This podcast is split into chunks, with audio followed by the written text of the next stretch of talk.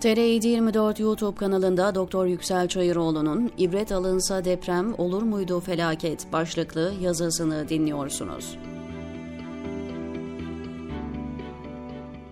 Mümin, varlık ve olaylara ibret nazarıyla bakan ve bunlardan ibret alan kimsedir. Kur'an yüzlerce ayeti kerimesinde geçmiş kavimlerin kıssalarını anlatır ve akıl sahipleri için bunlarda ibretler olduğunu haber verir. Tabiat olaylarından, geceyle gündüzün deveranından, hayvanların yaratılışından bahseder ve yine bütün bunlarda ibretler olduğunu haber verir. Ey akıl sahipleri! ibret alın. Haşr suresi 59-2 ayetiyle akıl sahiplerine seslenir ve ibret almalarını ister. Sufiler de müminin konuşmasının zikir, sükutunun fikir, bakışının da ibret olması gerektiğini söyler. İbret alan kimse Rabbini bulur. Varlığa ibret nazarıyla bakan kimsenin marifetullah bilgisi artar. Peki nedir ibret? Kısaca görülen, bilinen şeylerden ders çıkarabilmektir. Bilinen ve görülenden hareketle bilinmeyene, görünmeyene ulaşmaktır.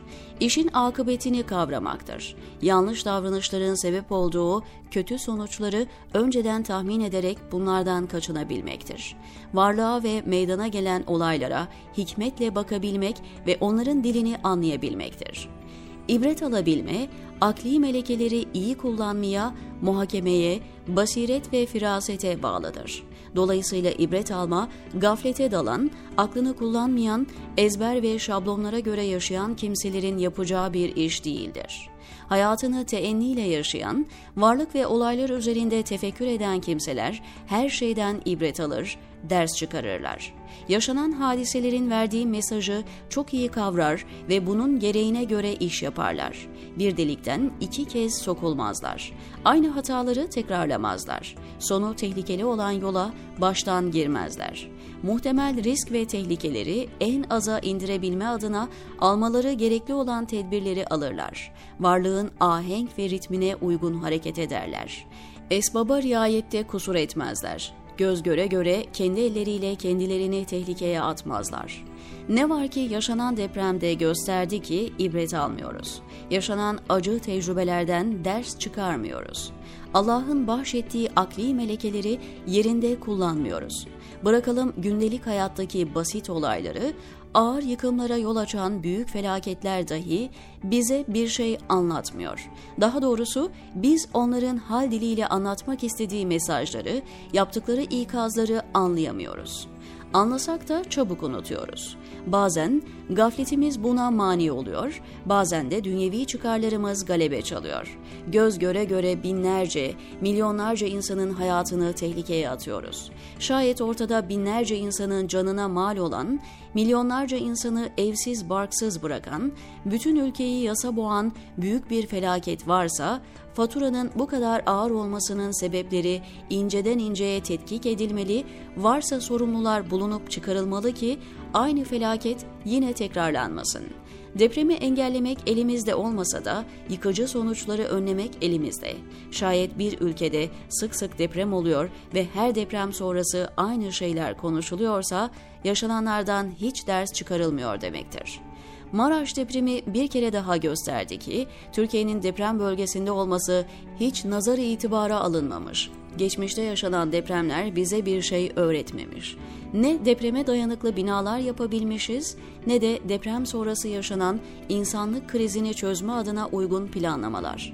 Deprem sonrası uzmanların ve ilgili kurumların yazdıkları raporlar, yaptıkları uyarılar ve ikazlar çok da dikkate alınmamış imar aflarıyla depreme dayanıksız yapılaşmalara izin verilmiş.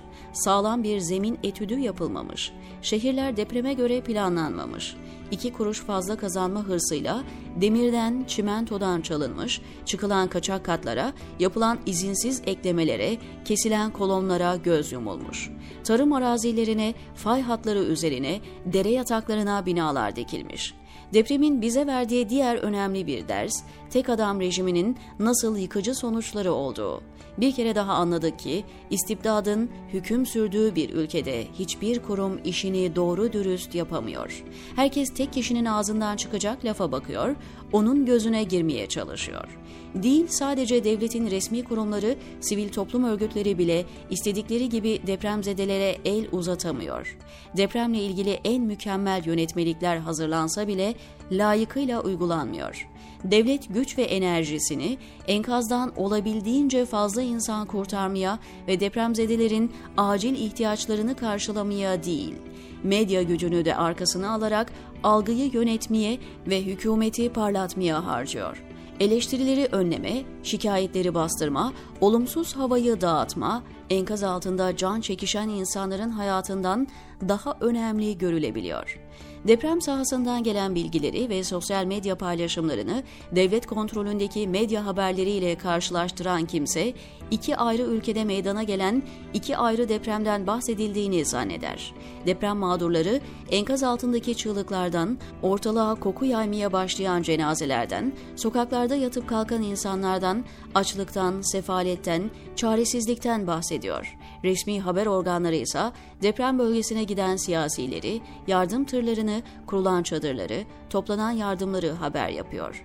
Başarılı yapılan bir arama kurtarma çalışması saatlerce canlı yayında verilse de enkaz altında bekleyen binlerce insan habere konu bile olmuyor. Şayet bir müteahhit inşaat projesini zemine uygun yapmıyor, malzemeden çalıyor ve kalitesiz malzeme kullanıyorsa suç işliyor demektir. Bunun önüne geçmenin birinci yolu sağlam bir yapı denetim sistemi kurarak depreme dayanıksız binaların inşaatına izin vermemektir. İkinci olarak da yaşanan bir depremden sonra yıkılan binalar üzerinde detaylı incelemeler yapılması, ihmal ve suistimaller tespit edildiğinde de önleyici ve caydırıcı cezaların verilmesidir. Ne var ki bu da ancak hukukun işlediği ve yargının bağımsız olduğu bir ülkede mümkündür. Tek adam rejimlerinde ise rejimin yanında durduğunuz sürece yargının karşısına çıkmazsınız. Bir işe liyakatiniz olup olmadığı da önemli değildir. Rejime sadakatinizi ispatlayın yeter. Kısacası tek adam rejiminin hakim olduğu yozlaşmış bir iktidarın deprem öncesi tedbir alması da depremden ders çıkarması da mümkün değil. Çünkü depremin bir felaket haline gelmesini önlemek istiyorsanız işi ehline vermek, uzman görüşlerini dinlemek, kurumları kendi yönetmelikleriyle baş başa bırakmak, sorumlulardan hesap sormak zorundasınız.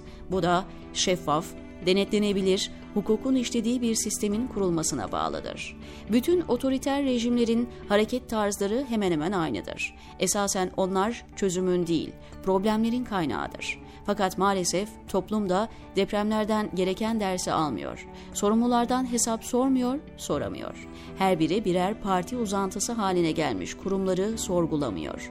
Yıllardır toplanan milyarlarca deprem vergileri nerede diyemiyor. Siyasilerin yaptıkları 3-5 kuruş yardıma, süslü yalanlarına, altı boş vaatlerine aldanıyor.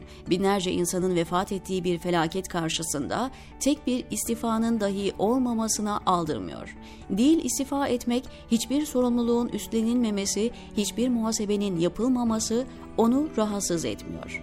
Aslında inanan müminlerin yapması gereken önemli bir vazifede yaşanan felaketlere bir de metafizik açıdan bakabilmek, alması gereken dersi alabilmektir. Zira depremler insana acizliğini, fakirliğini, hiçliğini hatırlatır.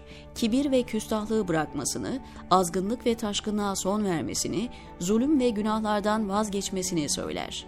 Dünyanın fena yüzüne dikkat çeker.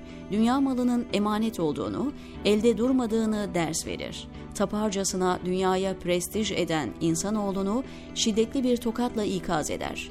Birbirinden kopan toplum fertlerini yeniden bir ve beraber olmaya, dayanışma ve yardımlaşmaya çağırır. Zelzelenin küçüğünü göstererek çok daha büyüğünün yaşanacağı kıyameti hatırlatır.